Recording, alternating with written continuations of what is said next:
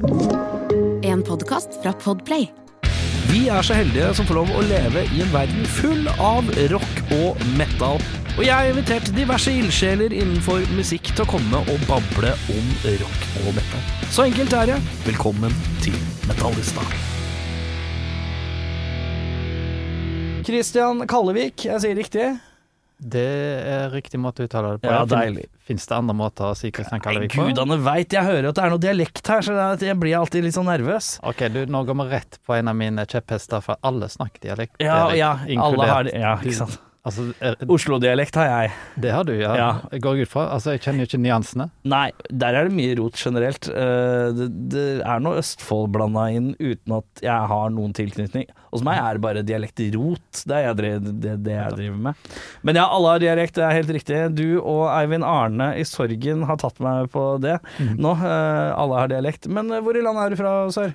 Opprinnelig fra Haugesund, men det begynner jo å bli ja, vel 20 år siden, da. Ja, du bodde Mer der, enn ja. det. Ja. Mhm. Så det er et under, men det finnes litt dialekt igjen. Jeg trodde kanskje ikke det, men du hører det åpenbart.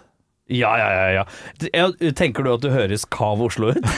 Det, der må jeg beklageligvis skuffe deg. Det gjør du ikke. Ok, det var dagens første reality check.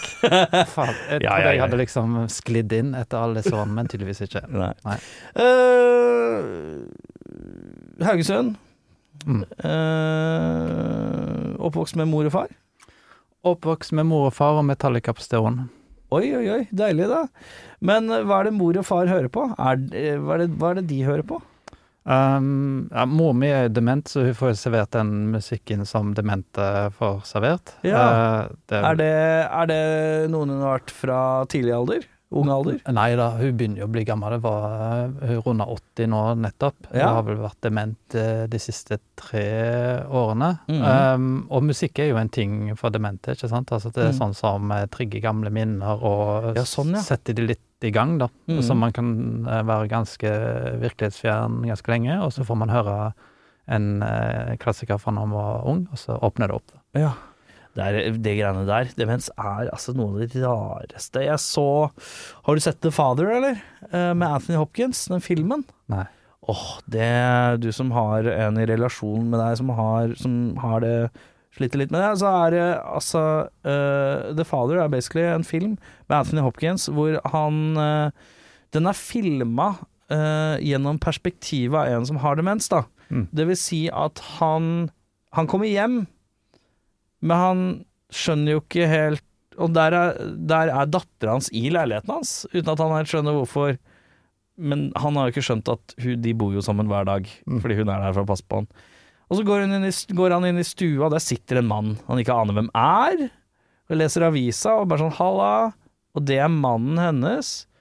Men så går han inn på kjøkkenet så kommer han tilbake inn i stua, og så er det en annen skuespiller som er mannen. Og han bare hvem er, Ja, men hvem er du? Liksom, det, er, det er lagt opp jævla confusing, men når du ser det, så er det dritbra. Ja. Og da sitter du og får sånn derre Å, fy faen. Du får sånn klump i magen, for du tenker bare sånn er det, er det, Kan det være i nærheten av sånn det kjennes? Mm. Det er røft, ass. Men jeg tenkte egentlig mest på, i forhold til musikk og foreldrene dine, når du er ung, hva er det du Ja. husker dine foreldre hørte på? Um, det jeg husker best, er vel egentlig at det var en etablert historie om at når far min møtte mor mi, Ja. og skjønte at dette var alvor, så var det såpass alvorlig for han at han brant platesamlingen sin. Hæ, Det var- hvorfor det? For, Det var noe av det første han gjorde. Når det var sånn, ok, nå er det seriøst opplegg, dette her er liksom dama i mitt liv, nå blir det hus, nå blir det unger. Da må jeg brenne platesamling, for det er en sånn ungdomsting som man uh... Hæ, men hva slags tradisjon er det? Er det liksom for å vise at man skal ikke bry seg om løsaktige ting lenger, eller hva er greia? Jeg skjønte Jeg tror ikke. det, han er jo fra et annet århundre, da, så det Ja. Han var veldig inne i Tommy Steele, så vidt jeg har fått vite. Ja, er- altså, alt jeg vet om min fars musikkbakgrunn, Ja. det har jeg fått fra andre kilder. Jeg må spørre onkler og folk Ja. som kjente han og sånne ting.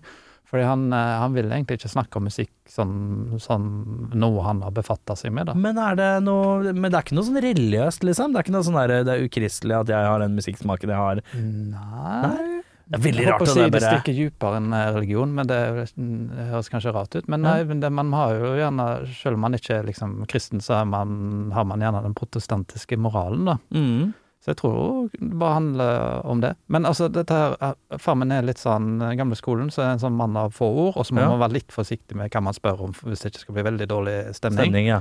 Så for alt jeg vet, så er dette her bare en del av en sånn der eh, ting som han konstruerer, da, som jeg syns er litt sånn fett. Mystikk. Ja, en del av hans personlige, liksom Oi. eh, Ja. Det er spesielt. For han var visstnok en sånn Tommy Steele-entusiast. Tommy Steele har ikke hørt om. Jeg, tro, tror- jeg tror det er en sånn eh, Englands svar på Elvis Presley. Å ja! Litt sånn type, ja. eh, angivelig har jeg fått høre fra noen kilder da, at far min hadde en sånn Tommy Steele-stil. da, At han hadde liksom looken til Tommy Steele, og Oi. mange av skivene. og sånt. Men det er ikke noe bildebevis av dette? Nei, det her var bare opp til et eh, bestemt punkt. Ja. Så jeg er født inn altså i en sånn musikkfornektende familie, kan du si. Oi, steike. Hva var det moren din hørte på før uh, Moren min hørte exclusively på Cohen på norsk. Cohen på norsk? Ja, kun Folk som sang coverlåter av Leonard Cohen, liksom? Ja, det er jo en sånn Det, det, her, det her er jo en sånn sentral plate i norsk uh, musikkhistorie, når Mm. Diverse artister eh, synge Cohen oversatt til norsk. Det var en sånn Ja. eh, megasuksess, og traff veldig en eh, bestemt sånn brukergruppe. Åh, Jeg kjenner jo at jeg har ikke kunnskap over hvilke artister som har covra hva på den, men jeg håper at Åse Kleveland er inni der. er hun det? Vet du det? Eh, vet du hva, jeg tror Jeg skulle gjerne hatt Leonard Cohen og Åse Kleveland. Der er det noe sånn verdighetsbalanse som jeg syns hadde vært fint sammen, i hvert fall. Ah, det er lov å håpe. Jeg Ja. tror det eneste jeg kommer på i farten, er Kari Bremnes som gjør 'Alle veit jo det'. Ja, Everybody knows. Ja, ja, ikke sant? Alle veit jo det. Og den ble jeg interessert i å høre, faktisk. Shit. Uh, men ja, så det er ikke så mye mating av eh, musikk i ditt hue fra heimen. Nei, altså musikk, det å være opptatt av musikk for meg var litt sånn et trass, egentlig. Ja, fordi det ikke var så mye av det hjemme, liksom? Ja. Eh, men jeg fikk det jo definitivt fra søsknene mine, da. Ja, Altså, mange søsken har du? Uh, to eldre søsken, så jeg er typisk Ja. sånn attpåklatt. Så det, jeg fikk liksom gå inn og, og knotte med min brors DJ-utstyr når Ja. han skulle dusje. Det var et ritual vi hadde. Ja. Når han dusjer, så får du lov å knotte litt, liksom? Ja, jeg fikk lov til å liksom spille bakgrunnsmusikken for han når han dusja. Jeg lurer på om det kan være til sånn helgeritual eller noe. Veldig spesielt sånn dusje-DJ. DJ Dusj. DJ dusj, ja. Her er det. Men uh, hva, hva var det han hadde i platesamlinga si som uh, var, var av noe interesse for deg? Um, litt annen uh, greie enn det som har blitt min vei resten av livet. Da. Han var uh, djupt inne i italodisko.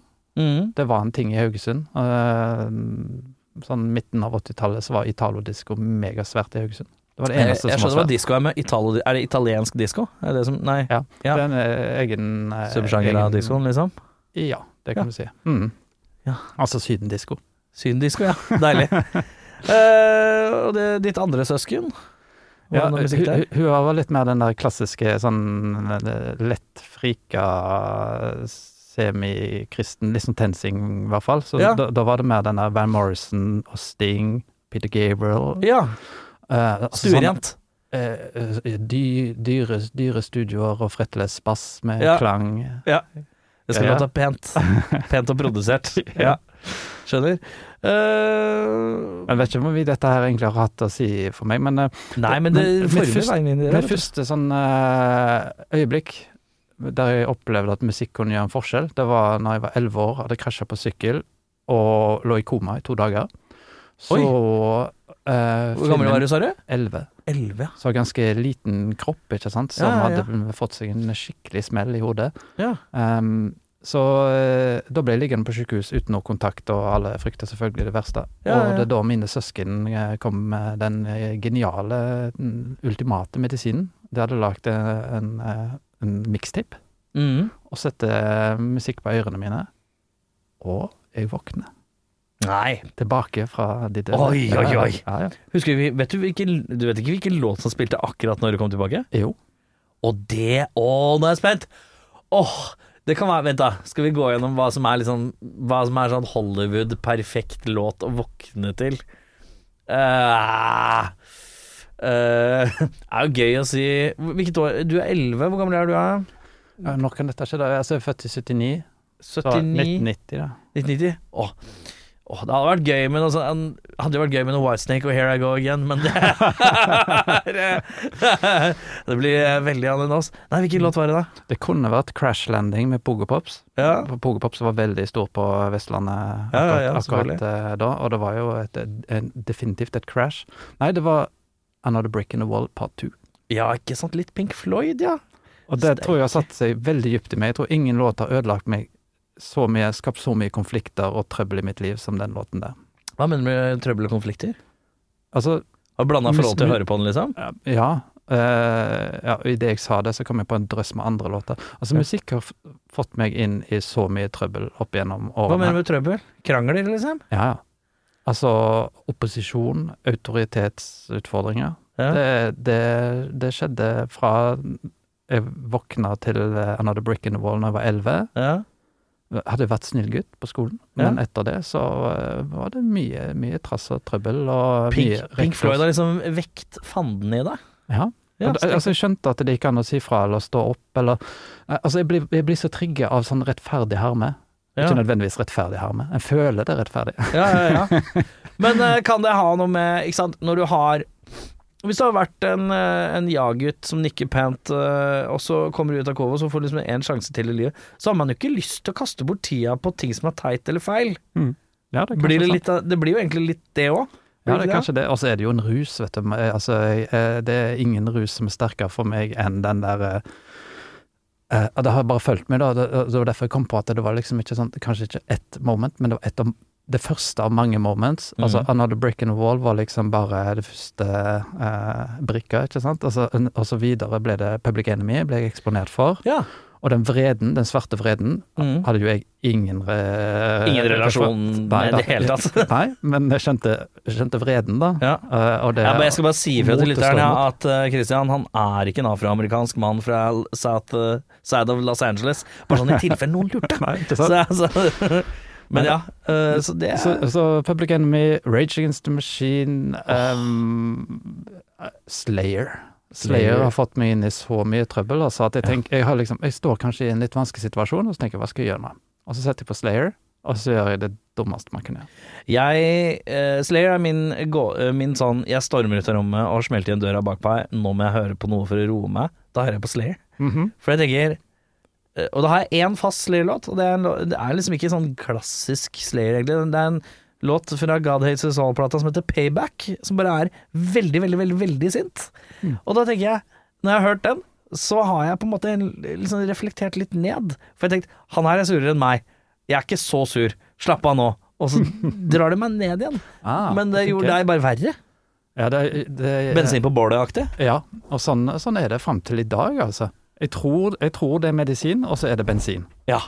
Eh, det, det, det skjer til og med i voksen alder. Altså, Ja. Jeg føler jeg blir ikke voksen. Altså, Noen må ta bare og eh, ta fra meg Slayer når jeg er sint. For jeg, jeg, jeg blir gira av det, jeg blir mobilisert av det. Ja. Jeg bare tenker ja, faen, check the Public Enemy. Nå har jeg noen i ryggen. Nå skal jeg sette foten ned og si fra, altså. ja. Så du er helt jævlig å krangle med eh, når du har hørt på Slayer, rett og slett? Ja, jeg, Ja. jeg tror jeg hadde vært et bedre menneske uten den musikken. Men hva er det som gjør deg Hva slags musikk er det som gjør deg til et bedre menneske, da? Ha. Det er litt vanskelig å svare på sjøl. Hadde jeg visst det, så hadde jeg kanskje liksom dosert mer av den uh, Jeg tror i hvert fall Jeg, tre, jeg, jeg tiltrekkes av musikk som ikke er synd for meg, da. Ja. Uh, det er jeg redd for. Eh, Men uh, vi spoler fram til litt sånn eh, Si sånn Ja, du har kommet ut av komma 11, komma ut av det, og bla, bla, bla. Fem, liksom 14, 15, 16. Mm. Eh, Man begynner å bli kanskje litt enda mer utforskende og finne sånn sitt band eller sine ting. Hva er hva er det som kalver, kalver inn i øra da? Um, vi begynte å spille band rundt omkring konfirmasjonsalderen. Ja, hva er det instrument? Hvilket? Jeg spilte bass av nødvendighet, altså Ja. fordi Han der, eh, kan du være så snill? Gidder du òg? Ja, skjønner.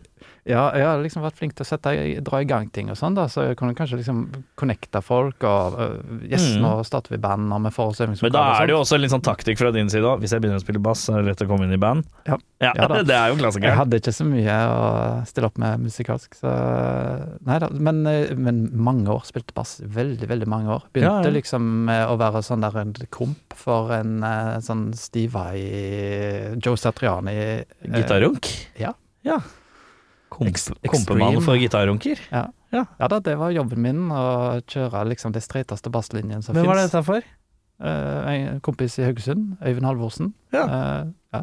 Han spiller sikkert det, men men hva, hva var første bandet ditt, da? Hva het, hva het første bandet ditt? Vite. Og det, det var liksom Å, shit, hva skal vi hete? Vi må jo bare vi sjekke Jeg tror vi tok det fra baksida av 'Surfing with the Alien' av Joe Satriani. Og Det var det en låt som heter 'Lords of Karma'. Ja, da ble det det, da. Det ble 'Lords of Karma'. Veldig dypt Lords for å være Karma. 15 Det er, år det, gamle det er ikke det dårligste jeg har hørt for 15-åring. eh, Det er ikke det. Du vet ikke, Jeg tror kanskje det er det beste bandnavnet vi har hatt. Og så var det 'Downhill' eh, derfra. Å ja, hva, hva ble det etter hvert? Um, eh, det kan ha vært noen band innimellom der, for hvis vi fast forwarder fra liksom Joe Satriani, Steve Vai-æraen, så gikk vi inn i en sånn der eh, Fate No More, Ja. Corn, Alice in Chains eh. Alterrock-orama, ja. Ja, og da begynte det liksom å eh, Om ikke annet, i hvert fall var snakk om andre rusmidler òg. Og Mm. da syns vi at det var veldig kult å hete Mary Who. Ja, ikke sant. Det er ganske dårlig. det er ganske dårlig. Jeg skal ikke si noe, jeg har lagd mye dårlig band sjøl, men, men det, det er noe med å anerkjenne det. det, det er, den er bare å legge seg flatt på. Det, er ikke et bra navn. Men det er ikke det verste. Å ja. Det, det hele har jo kulminert med at jeg til slutt uh, var med og starta dette bandet som heter Årabrott. ja, men det er jo ikke det dårligste bandnavnet, det heller. Det er bare fordi du har blitt manipulert til at det Selvfølgelig, er men, så er det, men man har ikke noe sammenligningsgrunnlag. Jeg vet fortsatt den dag i dag ikke hva Årabrott er eller betyr, og det er helt greit. Ja, For meg det? så kan det være en by i Sverige, uten at jeg veit det. Uh, og det, da er det nøytralt. Og det beste bandnavnet er, beste bandnavnet er stort sett de som er helt flate, som ikke er noe, på en måte. Hva vil du si er det beste bandnavnet gjennom Å, fy i faen. verdenshistorien? I verdenshistorien. Ikke Metallica, i hvert fall. Uh, nei, men det er Men de scorer kanskje på sånn synes- at, at alle kan bruke det, liksom. Alle kan relatere til det. ja. Det er liksom Pantera føler jeg òg er sånn uh, veld, veldig anvendelige bandnavn. Ja, men samtidig, Pantera har et snev av harry i seg. Men panter, Panter liksom, Panter i navnet er litt harry. Men Ja, ja. Åre- Ingen som vet hva åreapparat er? Nei, jeg vet ikke, det beste navnet eh, åh, Jeg er jo en U2-fan, da. Jeg syns det er ganske ryddig med U2. Den er Ja. veldig enkel, og veldig klar. Eh, den er ikke så mye A-ha ikke så dumt, det heller, skal jeg være helt ærlig. Men det, er men det har ingen relasjon med musikk å gjøre, føler jeg. Det er, bare, det er i hvert fall et sånn blankt uttrykk som ikke Men det er sånn, jo enklere og mindre tankefullt det er, Mm. jo deiligere bandene Da syns kan jeg jeg det er. glede deg med å si at uh, når vi endte opp med dette Årebrot, så var egentlig mitt første valg ABC. ABC, ja. Mm. ja. Men ja Vanskelig å få en logo til å se tøff ut med ABC, uten at det blir litt sånn, sånn barneaktig. Der får jeg sånn barne Jeg får sånn barnelink. Ja da. Men øhm, vi øh, Hva er ditt første favorittband? Mm, jeg tror det Som du nøler skikkelig på? ja, første bandet som jeg følte i hvert fall at det, av en eller annen Hvor kommer det fra? En sånn idé om at dette bandet skal forsvare. Mm.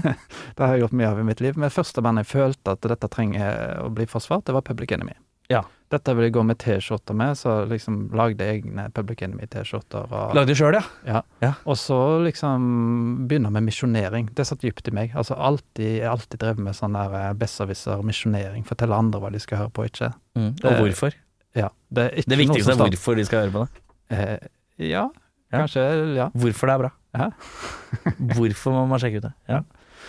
Så, så Public Enemy var nok det første sånn sett. Og så har jeg hatt det sånn med mange band eh, etterpå. Og så har jeg òg alltid vært veldig sånn bulemisk med musikk. Altså at det liksom bare stapper i meg så mye som mulig. Jeg har hatt voldsomt behov for å høre mye musikk. Ja.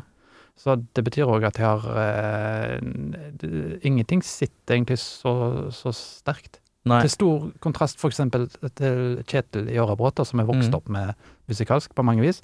Han var alltid sånn Nei, ett band om gangen. Og så går vi helt til dybden. Sånn B-sidesamling Ja, okay, ja. og sånne ting. Heldiskografien er ett band, fordøye det i tre måneder, liksom. Eller lenger. Ja, ikke sant. Ja. Mens jeg hadde jeg, jeg var liksom all over the place med liksom elektronisk musikk og jazz og Vi- eh, Hvilken sjanger er det som ikke går av? Hvilken sjanger går ikke? Nei, dette, dette, er, dette er ikke for meg. Hmm. Ja, nå er lett å så hoppe på en sånn ja, jeg liker alt, da. Jeg vet ikke. Det, eh, det, jeg fornekter jo alt jeg ikke liker. Så det er vanskelig å grave fram. Hva med Ja, det går i glemmeboka, liksom. Ja, det fins ikke. Det fins ikke, nei. Altså, du er en mann med, med sterke tanker eh, rundt eh, Ja. hvor, eh, Sterkt syn på musikk. Det er fascinerende. ja, ja, det er hele livet mitt. Men sånn altså, reggae, er du en reggae-mann, for eksempel? Kan du nyte litt reggae? Ja, definitivt. Absolutt. Men det tok litt tid. Nei, vent, det tok ikke så mye tid. Når jeg tenker meg om, så Nei. var jo den der eh, Absolute Reggae, kan den hete det? Eh, det ble gitt ut en sånn der eh, Altså, jeg ble jo musikalsk kjønnsmoden midt inn i den der eh, Absolute Power Ballads, Absolute Music Ja, ja, Eh, disse samleplatene. samleplate... Ja, som jo var lett å hate, skjønte man jo etter hvert. Men liksom før- harde perioden med samleplater fra sånn 95 til eh, t- t- 98-aktig. Da var det mye. Mm. Ja, ja, ja. Men det- altså, før jeg hadde lært meg at det var en ukul ting, så var det en sånn Absolute Reggae-samling som var megasvær med Inner Circle. ja. Og Inner Circle, Bad Boys, det er definitivt en sånn låt som, som trigger meg, sånn som Slayer og Public Enemy og Ja. sånt. Altså at jeg kjenner liksom på sånn eh, opposisjon og frustrasjon og Jeg, jeg, jeg, jeg kjenner veldig sterk identifisering Med, med de som jeg ikke aner noen ting om, ikke sant? Men Nei, jeg bare nei, men du kan relatere deg til opposisjon uh, og misnøye. Ja. Men uh, ja, ok, så du Altså, det har ikke egentlig med noen konkret situasjon å gjøre. Altså, så det tenker jeg er litt sånn avsporing òg, at jeg skal være liksom eh, kjent på å være liksom uh, undertrykt svart uh, i, på 70-tallet i New York, liksom. Det, det handler jo om det emosjonelle. Ja, ja, ja. Universelle. ja men jeg, jeg hadde en diskusjon, jeg husker ikke hvem jeg prata med det om, men det er sånn, du nevnte Rage Against the Machine. Mm. Jeg skjønner jo ikke og nå har jeg begynt å høre på det, i hvert fall. Jeg skjønner jo mer nå selvfølgelig med åra. Men det er jo mye referanser til liksom meksikanske borgerkriggreier og Mm. stæsj og historie, da. Aldri vært noe Men for meg så er det liksom Det er attitude-greier. Det er sinnen, Ja. det er følelsen, emosjonen. Det er det jeg henger meg opp i. Hva, den his, hva nødvendigvis alle de politiske situasjonene som ble referert til, og referansene, de kan jeg ikke. Men det treffer Mm. bare et eller på et eller annet sånt emosjonelt nivå. I hvert fall som 14-15-åring. Mm. Uh, uh, så, så det er Det er jo kunst, da. Ikke sant? Altså, at det fungerer på forskjellige nivåer. At du kan høre på Rage Against Machine bare fordi det er liksom groovy. Ja. Eller du kan høre på det fordi du liksom kan relatere til sinne, fordi du er en eh, frustrert liten kid. Ja. Eller du kan være liksom sånn doktorgrad i sammenlignende politikk og være inne i det der eh, borgerkrig i Mexico-aspektet. Så jeg tenker det, det er nydelig da når band har mange sånne nivåer, og at en kan oppdage det over tid, kanskje. Mm. Altså, Rage Against the Machine, jeg elsker det bandet, men det er faktisk et av de bandene jeg skulle ønske hadde litt flere nivåer. Litt flere Nivåer. I betydningen de er litt sånn, hvis vi sammenligner med kaker, da, som Ja. er kanskje litt sånn eh, enklere å relatere til, det er litt sånn at du ser hva som er eh, kremen på toppen, og Ja. så ser du hva som er bånden. Ja. Og så er det ikke så mye mystikk der. Det er ikke så mye sånn Nei. ting du ikke får helt grep om. Nei. M mange andre band har jo liksom bare en sånn der en, en aura av noe uhåndgripelig rart. Mm. Du nevnte Faith No More. Det er et sånt band som jeg føler har det. Jeg skulle, jeg skulle til å nevne Deftones, Tool Deftones liksom og Tool også. Der er du enda dypere på det, ja. Ja. Deftones Mens Rage, eh, Rage, det høres ut som en kritikk, og det er jo sånn men, men eh, Det er fordi jeg elsker Rage Against Machine, at jeg bare, jeg bare føler det liksom Det er litt for ryddig. Ja, boka er veldig åpen, sånn sett. Mm. Du må bare skjønne referansene, så er du egentlig 100% på nett. Ja. Uh, Deftones, utvilsom en mystikk. Eh, Tool, veldig. Tool kanskje litt, nesten litt i overkant, Uh, men, uh, men ja.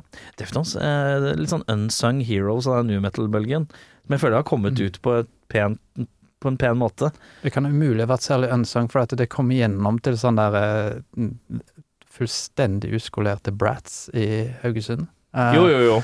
Vi hadde jo ikke annet enn Headbangers Ball, tror jeg, og Nei. litt sånn Kerrang og Metal Hammer og sånt, så vi klarte å f- oppfatte en håndfull band, Ja. men skikkelig flaut å komme til Bergen, eller enda verre til Oslo, og skjønne at det ah, uh, Tool er ikke alternativt, liksom. Quicks, Ja. Quicksand fins. Ja. Å, shit.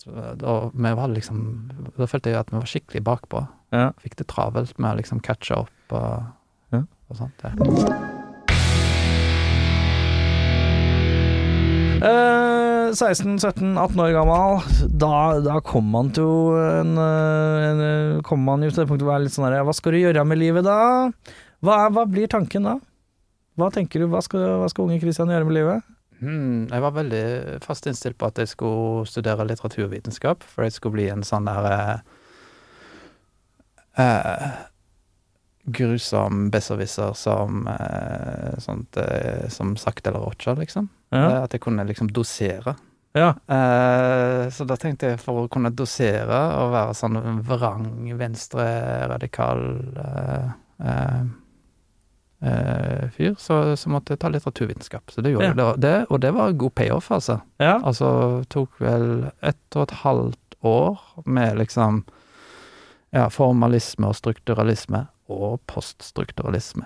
Eh? Dette er begreper rare- som en sånn dumrian som meg sitter bare nikker, Nå nikker jeg bare høflig. Ja, nettopp. Ja, ja. Men sant, det var det som var greia, da. Å kunne gå dit for å få en slags sånn teori, en avkoding av hvordan verden egentlig fungerer. Mhm. Sånn at man kan være en liten sånn gjeng som bare Ja, men vi har sett igjennom eh, den, den glossy overflaten. Vi forholder oss til det strukturelle.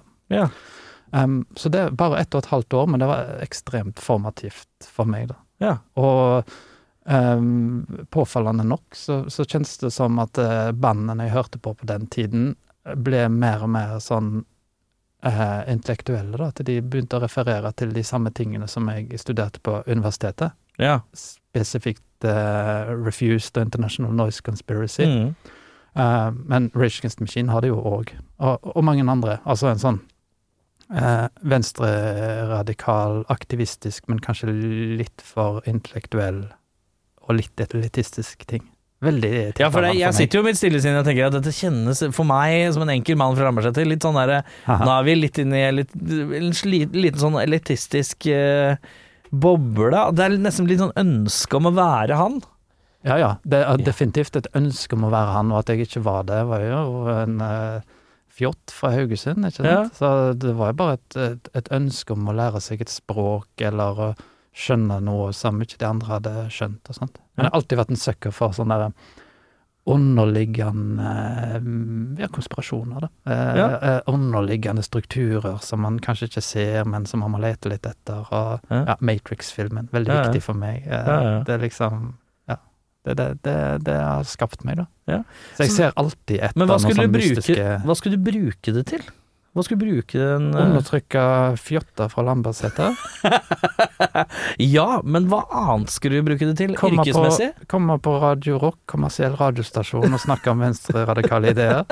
Det er det du tenkte på? Det var er jo nå, ja, det det nå det blir sånn Ja. fullendt. Ja, det er fullendt. Nå har du funnet plattformen. Nå er vrede sluppet løs. Nei, men eh, hva var det du tenkte sånn du skulle bruke med Skulle det bli Hva, hva tenkte du skulle bli? Nei, nå høres det ut som far min. Jeg var jo vokst opp i overskuddssamfunnet, liksom. Automatisering. Det finnes maskiner som gjør jobben vår. Vi kan bare synke ned i i kompleksiteten i kulturen og diskutere teoretiske problemstillinger. Ja. Og, og ha som jobb å skape distanse til eh, folk som ikke vet bedre.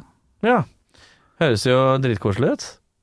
Ja, men det handler jo om Altså, jeg tror kanskje at jeg visste hva jeg holdt på med, selv om jeg Altså, jeg bare var liksom tiltrukket av at jeg måtte lære meg et slags sånn middelklassespråk, da. Ja. Det handler jo om det, at jeg skulle Hvordan bli en smartass, liksom. Ja, ja, ja. Gå- på universitetet, studere litteraturvitenskap. Eh, og det funka. Så uh, i noen år Takket være det halvannet året med de studiene, så har jeg vel, ja, 20 år etterpå, da, hatt litt sånn um, middelklasse, undertrykkende effekt på folk, da. At Ja. jeg kan gå rundt og være litt smart eller vite noen ting og sånt, da. Altså, Ja. Selvfølgelig, de aller fleste ser gjennom dette her, uh, og syns at det er uh, De ser jo liksom fjotten fra Haugesund, selvfølgelig. Ja, ja.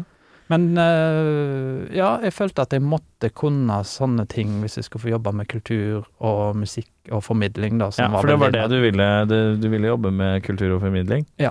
Ja. Eh, var det noe spesif spesifikt innenfor det? Var det? Hadde du en tanke om noe plateselskap og sånne type ting, eller? Ja, vi hadde jo allerede starta en festival i Haugesund. Som het? Uh, Safe as Milk. Ja. Som var oppkalt etter uh, Captain Beefheart-album, Ja. fordi vi var jo ordentlige disipler av uh, Harald Are Lund. Eh, Ja. Og Motorpsycho og sånt. Det var liksom eh, vår Kult. skole. Kult, kult, kult. Alt som er kult. Kultband. Ja. Captain Beefheart er også uh, Nils Magic Band også kult, kult, kultband. Ja. Og vi gjorde jo alt vi kunne ikke sant, for å distansere oss fra de som hørte på streit musikk, eller som kanskje Mm. ikke hadde noe tenke om hva de hørte på i det hele tatt. Så eh, jo mer weird, jo bedre var det jo. Mm. Um, så det hadde, vi, det hadde vi lært, ja. Og så vokste vi opp i en, i en veldig søvnig, kjedelig by med liksom nedlagte øvingslokaler, ingen frialdersgrensekonserter. Nei. Eh, det var, det var veldig dødt i den byen da jeg vokste opp. Det var veldig mange sånn De voksnes fest, da. Altså Sildejazzen, for eksempel, var jo Ja. liksom en stor sånn sponsorbillettkultur. Mm. Um, så, men, men det skapte jo et stort rom for oss, da, så vi starta en egen festival som skulle være liksom Ja, de, all den eksperimentelle musikken som vi likte. Ja. Ja. mest mulig bråkete. Det var liksom støyscenen eh, i Norge på oppsving. ja. Eh, Lasse Marhaug og Death Prod og sånne ting. Og ja, og så fikk vi hyre inn òg en del internasjonale artister. Mm. Så greia da var jo altså, litt sånn inspirert av Blå når det starta, Ja. Altså en sånn miks sånn, eh, Egentlig en veldig morsom ting var de med jazz som en sånn supersjanger. Alltid jazz, liksom. Mm. Altså øh, øh, Eller at det kan finnes et jazzaspekt ved alle typer musikk. Ja. Så vi, vi, vi, vi booka mye Mye sånn lokalt, sånn halvstreit musikk, og uh, helt ute internasjonal Ja. musikk. Så det, det var bakgrunnen, og det var sånn jeg kom inn på Tiger òg, at jeg skulle henge opp en plakat for den festivalen i Haugesund. ja. Så kom jeg i prat med Tor André som eh, Tiger, altså tre... platebutikken her i Oslo, Ja. eh, som nylig har flyttet lokaler. Eller ikke nylig, vel kanskje et år siden eller noe sånt. Ja, men det føles som at det flytt, vi flytta Det flyttet skjedde nå, egentlig. Ja. Vi har vært i sånn Det, det er først nå det føles nytt. Ja. Mm. Ehm, og uh, henger opp plakat. Uh, får jobb der, eller?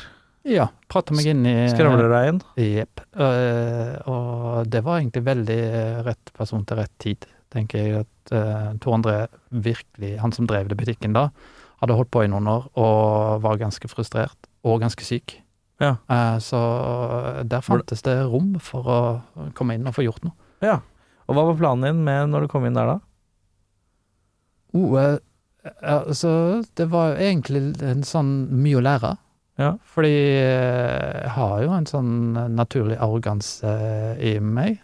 Eh, Så jeg kom inn der og tenkte ja, men vi har jo gjort denne festivalen, og jeg har hørt på Harald Are Lund, og jeg vet hvem Motorpsycho er, så jeg kan alt. Dette ordner seg. Ja.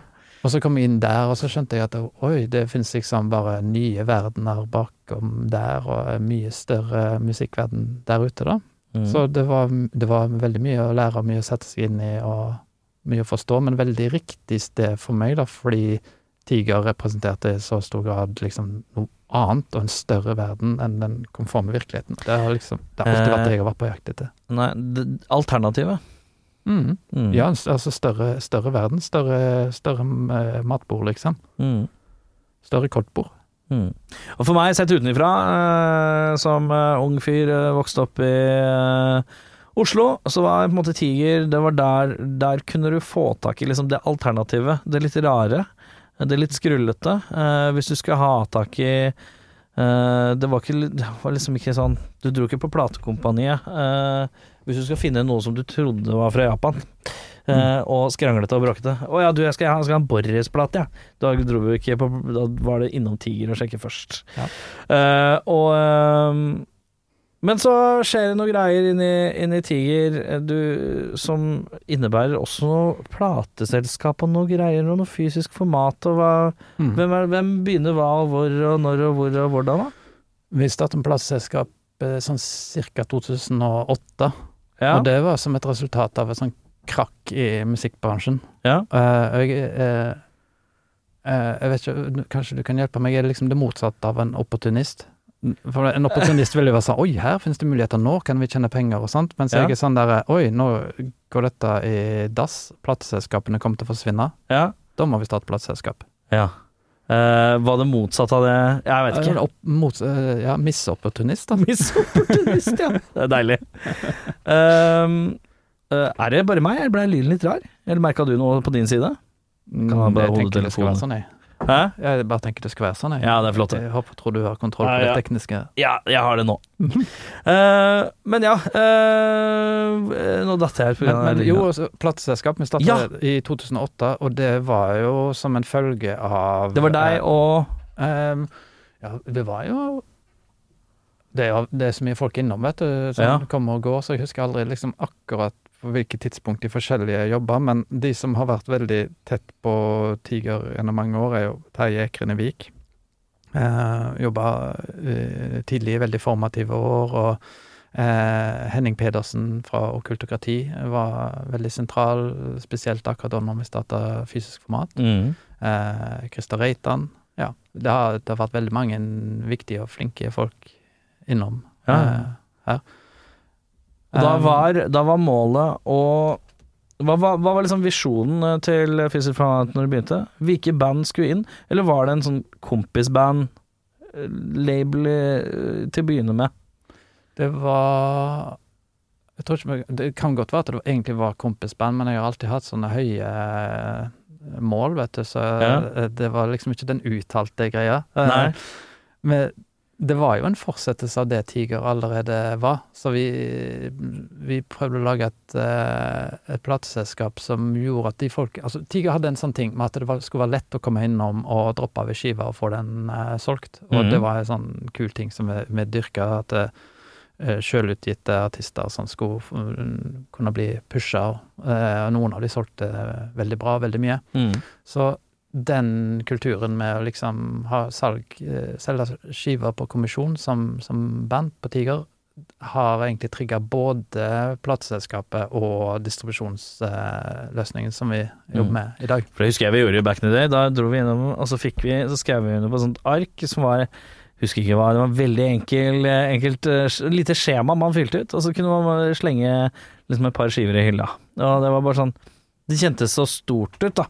For den veien på å gjøre det til via platekompene var virka som en umulighet. Hvis ikke man hadde plateselskap som kunne via, via, via, via, via, via.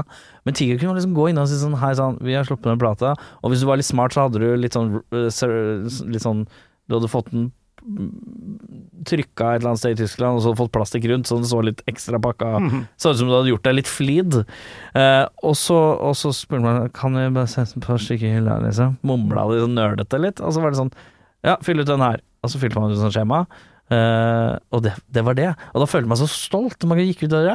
Oi, vi er, vi er på platesjappe. Ja. Uh, vi har ikke noe label, eller noe sånt, men vi, det, det, det ligger der. Og så kunne man gå på det glade internettet på, og skrive 'Den kan du kjøpe der'. Ja. Og det var så stas. Ja. Å, så stas. Uh, men Det er veldig gøy å høre, for det har liksom vært en ting som vi har snakka om i ettertid, altså gjenskape litt den der følelsen av at det finnes muligheter, og Mm. at det, det Ja, for det handla Ikke om at vi trodde vi fikk solgt det. Og jeg tipper dere bak kassa tenkte det her er ingen som kommer til å kjøpe. Mm. Eh, bortsett fra når man sier det, de sier det kanskje til en venn, og så kommer de og kjøper den via, via, via liksom. Eh, men det var noe med den følelsen av at man eh, som band out of nowhere, usignert, kunne føle at det var en slags evolusjon i, i, i bandet. At man følte i hvert fall på en følelse av at man Ja. kunne, kunne Det var et outlet, da mm. eh, som var villig til å hjelpe, til tross for at mest sannsynlig ikke ikke var eh, noen som kom til å selge veldig mye. Mm. Men så var det noen som bare plutselig tok Ja, ja. av, da. Så vi, eh, vi har jo tatt imot skiver på den måten fra, fra en haug med band som har blitt mye større i dag. Mm. Eh, Kråkesølv eller Rumblin' Rodders Og, eh, Mhm. ja, det, var, det var liksom en hel rekke med sånne eh, band som gjorde ting sjøl, og som solgte bra og var veldig etterspurt. Um, som selvfølgelig da var miksa opp med alt mulig slags band som ikke var så ambisiøse. Men det, Mhm. det var litt av moroa å bryte, liksom, bryte ned hele hierarkiet. Mm. Uh, og så bare, bare rive i stykker den uh, bransjetingen, da. Og det var Mm. da vi òg liksom kom på dette her bransjevelta-konseptet, som var ei samleskive, Mm. en serie med samleskiver som vi gjorde. Um, som handler om at vi rett og slett vil bygge ned det hierarkiet. For det er jo hierarki og økonomi henger sammen, og at noen mennesker er veldig opptatt av å bygge mest mulig hierarkier, for det betyr tryggere økonomi Mm. for de på toppen, ikke Mm. sant? Mens vi var jo opptatt av at hvordan kan best mulig musikk bli hørt av flest mulig, Mm. og da måtte vi eh, eh, heller prøve å rive ned hierarkiene. Mm. Husker jeg var med på en av de bransjevelterne med noe som het Post Love, som var sånn litt sånn uh, kooky Ja, det prosjekt var som aldri ja. blei noe som ble, Det ble aldri miksa ferdig, men jeg spilte inn, spilte inn jævlig mye bass på de greiene der. Det har aldri sett dagens lys. Det ligger en eller annen skive et eller annet sted. Eh, men uh, uh, ja, det var kult, altså. Og jeg husker på den tida så tenkte jeg liksom Åh, eh, at jeg, jeg fikk en sånn idé i hodet mitt, en sånn drømmevisjon av liksom en butikk som bare gjorde det. Mm. Ikke sant? Altså Norges ledende innen usignert, på en måte. At det var bare demosjappe, Mm. uh, basically. Uh, skjønner jo at det er jo ikke noe du, du kommer ikke langt med det, Uh, men i noen så bare tenkte jeg Men det spana jo fra den ideen eller av den praksisen dere da hadde, da, på den Ja. tida i hvert fall. Ja. Uh, tenkte jeg å, fy faen, det var fett med en sånn en sjappe som bare gjorde det. Mm. Men, Bare gjorde det, liksom. men det ligner jo faktisk på sånn som det er blitt i dag, fordi uh, vi, vi kom til et punkt der vi måtte ta et oppgjør med hvor mye skiver vi skulle ta inn fra liksom Epitaph og Subpop og de ja, store ja. internasjonale eh, indie-lablene. For at det var, det var liksom en slags sånn der, eh, egentlig en imperialistisk kultur da, om at vi følte at musikk fra USA var viktigere. Mm. Eh, og på et vis så var det jo det òg. Altså, de var jo ofte mer kompetente og bedre innpakka og, og, og, og sånne ting. Men jeg har de siste årene kjent at det, det er kanskje ikke så viktig at vi òg står og snakker om Protomartyr, som er Nei. et favorittband uh, for meg. Men, Mm. men det, det, det er liksom et slags sånn, et band som får et globalt push. Mm. uh, likevel, selv om det er independent og sånn, så, så er det liksom mye folk på jobb globalt med det. Mens de nye, ennå uoppdaga lokale tingene, eller på små label, lokale labeler. det er der en kan gjøre en stor forskjell, da. Mm. Så det, det er der misopportunisten i meg eh, har eh, meska seg, da. At Mm. istedenfor å liksom se på hva mer import fra utlandet kan vi gjøre større, Mm. så, så har det blitt å, å se på hva kan vi gjøre en forskjell med de lokale bandene. Men så har jo ting forandra seg fryktelig òg, da, fordi altså Sånn som musikk internettvirkeligheten har blitt, så er det Mhm. liksom Og, og, og terskelen for å få produsert ting, så har ting endra seg veldig òg i forhold til hva vi kan ta inn av eh, ting som blir eh, trykka, sjøl. Mm. Det er jo plass, så, i hvert fall forrige sjappa var jo knøtteliten. Mm. Eh, lageret nede har jeg bare hørt gjetord om, eh, men det ikke, var ikke voldsomt mye plass der heller. Eh, så, eh, så det var jo selvfølgelig begrensninger. Og så er det den rare balansen mellom å Man må jo ha nok til leia òg. Må jo selge, selge en del plater òg for at det skal gå rundt. Mm. Ja, det er veldig rart. Jeg er, jeg er ikke kremmer i det hele tatt. Jeg er veldig opptatt av å, å drive litt sånn seriøst og fornuftig og sånn nå, men Mm. eh, eh, det er et under at, vi har, at jeg har drevet den sjappa der i, i, i 20 år, med så Mm. lite interesse for å gå med overskudd som jeg har. Ja. Jeg har bare lyst til å gå med sosialt overskudd. Det, det, det er det jeg vil, liksom. Altså bli kjent med flere folk, treffe flere folk. Føle at jeg selger åpne dører for folk, og Ja. liksom får inn musikk som de ikke hadde hørt ellers.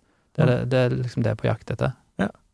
Og, og da er liksom økonomi egentlig bare et eh, nødvendig onde. Og da har jeg tenkt at eh, hvis man ikke egentlig er interessert i penger, altså liker lukt av penger Det finnes jo mennesker som er sånn. Ja, ja, ja. syns det er stilig med flere nuller, liksom. Ja, ja.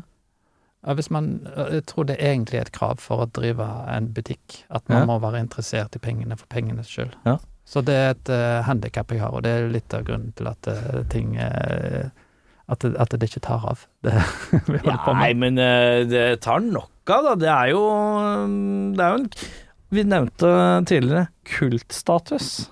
Ja. Og Tiger har jo en kultstatus Ja i norsk fauna. Men det er, fauna. det er vel mer en sånn, sånn sideeffekt av å bare fullstendig ikke ha næringsvett. Så det er sånn, det er sånn bieffekt. da. Sånn uunngåelig bieffekt. Jeg tror ikke vi hadde klart å la være å bli kultsjappa. Det bare må bli sånn, liksom. Ja. Men det er deilig at du, le du lever deg godt på Du koser deg med det, gjør du ikke det? Det er deilig, det er en stolthet i det. Ja, det er helt nydelig. Altså, det, jeg tenker det er et under. Altså, noen eh, drømmer om å bli rockestjerne. Jeg drømmer om å liksom få bare drive ei sjappe der det randomly detter innom masse interessante folk hver eneste dag. Ja. Det, det, det er fantastisk. Det er utrolig gøy, så lenge det holder. Ja. Eh, Men jeg tenker jo litt sånn at Nå har du holdt i hva da? Hvor lenge har du vært her? 20-25 år? Jeg har vært her siden 2003. Jeg har faktisk jubileum. Ja, tenk på det. 20-årsjubileum, 20 ja. Ja da. Deilig, da. Mhm, og mye har skjedd i livet, og, og med musikk siden den gang. Ja. Um, Driver du, spiller du noe aktivt musikk sjøl om dagen? nei, vet du hva, den dagen jeg starta, uh, fikk jobb på Tiger, så, så var det bandmøte i Årabrot, og da sa jeg nå trekker jeg meg. Ja. Men eh, så fikk vi jo lov til å være label for Årabrot eh, i noen veldig fine år. Det er Ja, jo et ja. av de liksom formative bandene i vår historie. Mm. Men eh, ja, det var en runde å gå mm, der først. Men, Men hvorfor- nei, jeg har lagt hvorfor det? instrumentet på hullet. Nei, men jeg er jo ikke musikalsk i det hele tatt. Bare Det må det ha vært. Nei, overhodet ikke. nei, det, Nei, nå, jeg, nå, nå er du sånn som skal underselge deg. Ja, Det- nå- nå er underselger bare- Det er bare for at jeg skal selge noe rundt neste sving. Så hør nå. ja, ja, ja, ja, ja.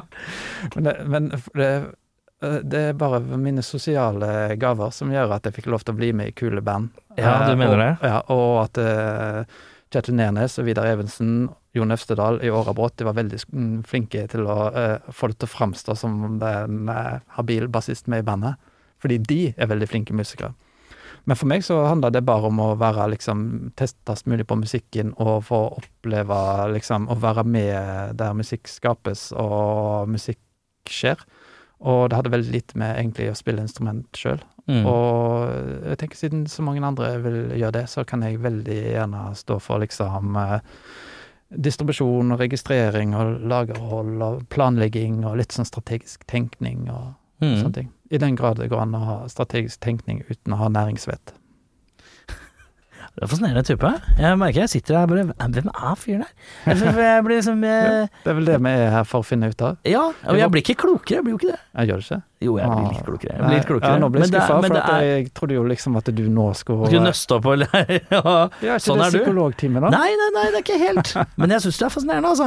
Ja, men takk for det. Eh, Åssen er det med Tiger om dagen, da? Å, vi strever som et helvete. Hvorfor det? Men har veldig gøy. Det har vært mye strev, da. Hvorfor det? Ja.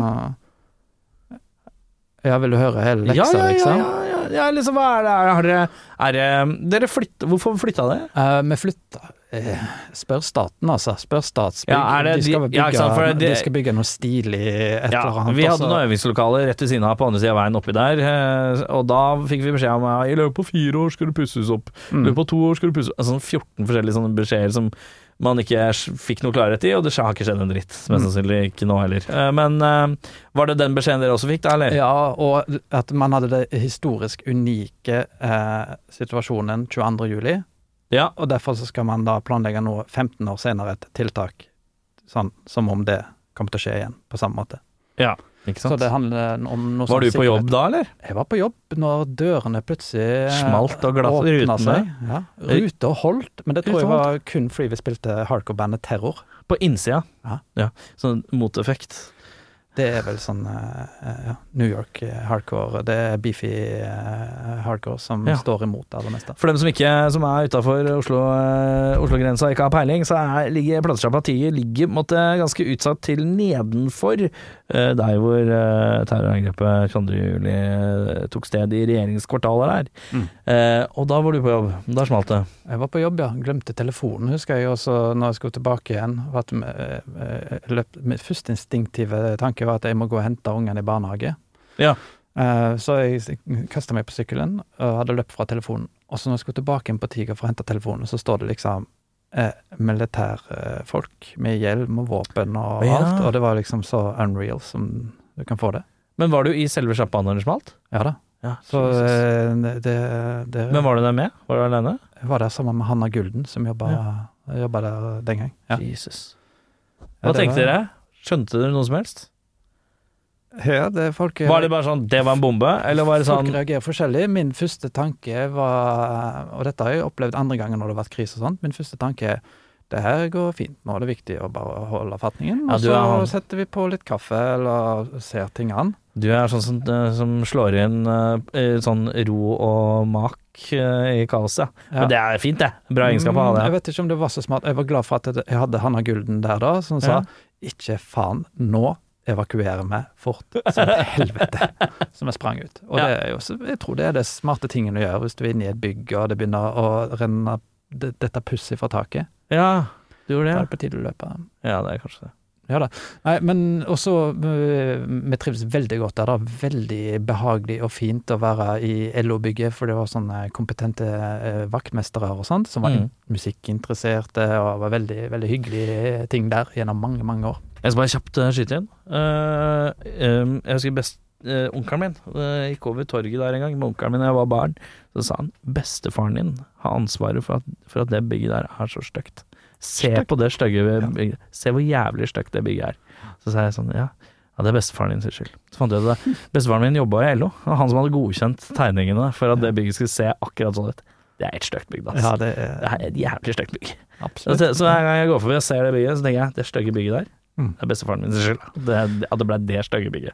Men jeg, jeg kjenner at det rykker litt når jeg går forbi der nå, fordi jeg tenker det er så flotte butikkfasader rundt hele kanten. Og Mm. hvis det liksom bare skal bli sånn administrasjon og resepsjon og Ja, sånt, det, det føler jeg at da, da har de ja, de burde gravd litt i, i historikken sin, da, for at det finnes sånne fine anarkistiske tanker om at hvis du ikke bruker et lokale godt nok, så har du ikke lov til å ha det. Da har noen andre lov til å bare annektere det. Og Det Ja. kjenner jeg litt på, at det i det hele tatt finnes butikklokaler i Oslo sentrum som er tomme. Ja, Ehm, Hvor det dukker opp sånne dumme pop-up-shopper i ny og ne, og så forsvinner det tre måneder senere. Ja. Mm. jeg tenker at det burde ikke være lov til å eie noe som man ikke bruker. Nei. Make sense, det? Ehm, så, men, eh, men vi måtte flytte, og var veldig glad for at vi fant det lokalet til slutt. da. Ja, for nå har dere flytta til uh, Det er ikke så altfor langt unna, det? Nei, det er 200 meter bare, så det var Alt ble flytta for uh, hånd. Ja. Ehm, på Tralla og Bært. Er det nedafor uh, Revolverish? Det kan du si. På krysset av gamle Møllers? Ja. Ja. Møllers, gamle Møllers er liksom Som nå er en eller annen sånn taggebar eller et eller annet. Jeg skjønte ikke, det er litt sånn rart konsept Det ryktes at det skal komme en slags sånn uh, rockebula der. da. Og det hadde vært gøy. Ja, ja, Så det, det hopper vi jo på. Ja, ikke Ja. Veldig fint uh, nabolag. Uh, Veldig sånn naturlig sted der folk eh, som, som vi kjenner, går forbi hele tiden. Så det er blitt et sånn møtepunkt. Og ja, det, det, det går liksom ikke an å altså, sitte utenfor og ta en kopp kaffe uten at det går et, minst et band forbi. Ja, men det er koselig, da. Og så er det sånn rett ved. Og så er det liksom Det er rett ved John D, rett ved Rockefeller, rett ved Roller. Det er liksom Mm. Det er jo der dere må ligge, i Og- området der. Og samtidig billig nok husleie til at vi kan eh, være så sære og vrange og eh, ha så lite næringsvett som vi har. Ja, for det er spørsmålet. Det, det, målet blir liksom at det skal gå, gå, gå rundt, er jo, skjønner jeg jo. Eh, sånn rent økonomisk. Ingen som skal bli millionærer her. Eh, men eh, Jo, det- de som skal bli millionærer er jo de som kjøper skiver og kan selge de videre på Discogs når de blir pensjonister. ja, selvfølgelig. Um, de skal bli millionærer, og de som spiller, spiller i band og Ja, lager genial musikk. men ikke dere. Nei, jeg har ikke tenkt å bli millionær på den måten, for jeg tror jeg faktisk ikke kunne helt levd med. Jeg syns det er ubehagelig å ta for mye betalt. Ja, det er sånn hyggelig, da. Eh, liten fjott fra Haugesund, vet du. Ja, jeg føler ikke verdt det. Jeg, er- jeg er ikke noe sånn platebransjelord. Nei. Jeg er ikke noe sånn Ja, men eier for mye eller Nei. eh, sånne ting. Nei. Nei. Eh, jeg føler det veldig fort kommer i veien for uh, relasjoner. Og det, Det jeg undrer meg over andre plateselskaper, at det finnes folk som heller tar en konflikt uh, for at de skal få eie noe. Ja. Og jeg mener, den emosjonelle kostnaden ved en konflikt, sånn juridisk konflikt Mhm. og sånn, det er vel uendelig mye dyrere enn eh, liksom penger på bok. Ja, og så etter hvert så gjør, gjør man nok sånn dritt, så får man jo et dårlig ry etter hvert. Uh, tenker jo at det fins et par sånne norske labeler jeg har hørt mye dritt om gjennom åra, liksom, av litt sånne type ting. Og det er ikke, det er ikke så kult. Men da er jo spørsmålet hvordan har vi klart å skaffe oss dårlig ry hvis vi ikke har næringsvett? Har dere dårlig ry? Jeg vet ikke, jeg tror ikke det. Uh, jeg har alltid tenkt på dere som en eksklusiv klubb. Aha. Og det tror jeg ikke dere har noe vondt av at eh, dere er òg. Det, Mm. det tror jeg dere liker litt. Mm. I hvert fall fysisk format uh, som plateselskap. Ja. Ja, eksklusiv klubb, har jeg tenkt. Ja, det må det jo være. Ja, det er jo litt av greia at det skal Det- være liksom Mm. litt bedre musikk. Ja, for det, og det skapte jo også en effekt om at når noen ble signert eller ga ut noe via fysisk format, så var det sånn oi, shit. Mm. De vil, oi, de vil ha dere? Ja. Oi, oi, oi, oi, oi, oi, oi, oi. At det var litt sånn eh, Det er sentral funksjon. stamp, stamp of approval eh, fra en litt høyere makt. Mm -hmm. Høyere makt, ja. Ja, ja, det liker du å se. Det, likte du godt. Ja, takk. Ja, ja, ja, ja. Mm. Nei, men, øh, men det strebes, men det ordner seg, er det jeg håper. Ja da, vi, vi, vi, vi lever i håpet, og det Vil og håpe det, på 20 år til, i hvert fall. Ja, det tror jeg. Ja, det er jeg helt innafor. Ja. Hva skal du gjøre når du er ferdig med å være platesjappmaestro og plateselskap maestro og distromaestro og all maestro du måtte være? Jeg skal dø med støvlene på, jeg, så jeg skal aldri bli ferdig. Nei. Skal liksom, eh, ja. Skal Det blir eh, Jeg må bære kista inn på Tiger og legge meg Ja, oppi. ja men det er Ja. koselig, da. Ja. Steike. Her ligger han begravet. En fjott fra Haugesund. Fjott fra Haugesund. Du, tusen takk for praten. Er det noe vi må vite? Er det noe vi vil plugge? Reklamere? Dra på Tiger. Alle må dra på Tiger. Se på Ja. det nye utvalget. Se på alt du ikke finner andre steder. Er eh, skatt, Dra på skattejakt. I verste fall gå innom eh, Kjenn på elitismen. eh, Kjenn på elitismen. Kjenn på eksklusive klubben. Ja. Bare kos deg. Uh, utenom det, er det noe vi må plugge? Ja, det synes jeg var helt nydelig sagt. Det skal jeg leve lenge på, Erik. Takk. Nydelig. Du har hørt en podkast fra Podplay. En enklere måte å høre podkast på. Last ned appen Podplay, eller se podplay.no.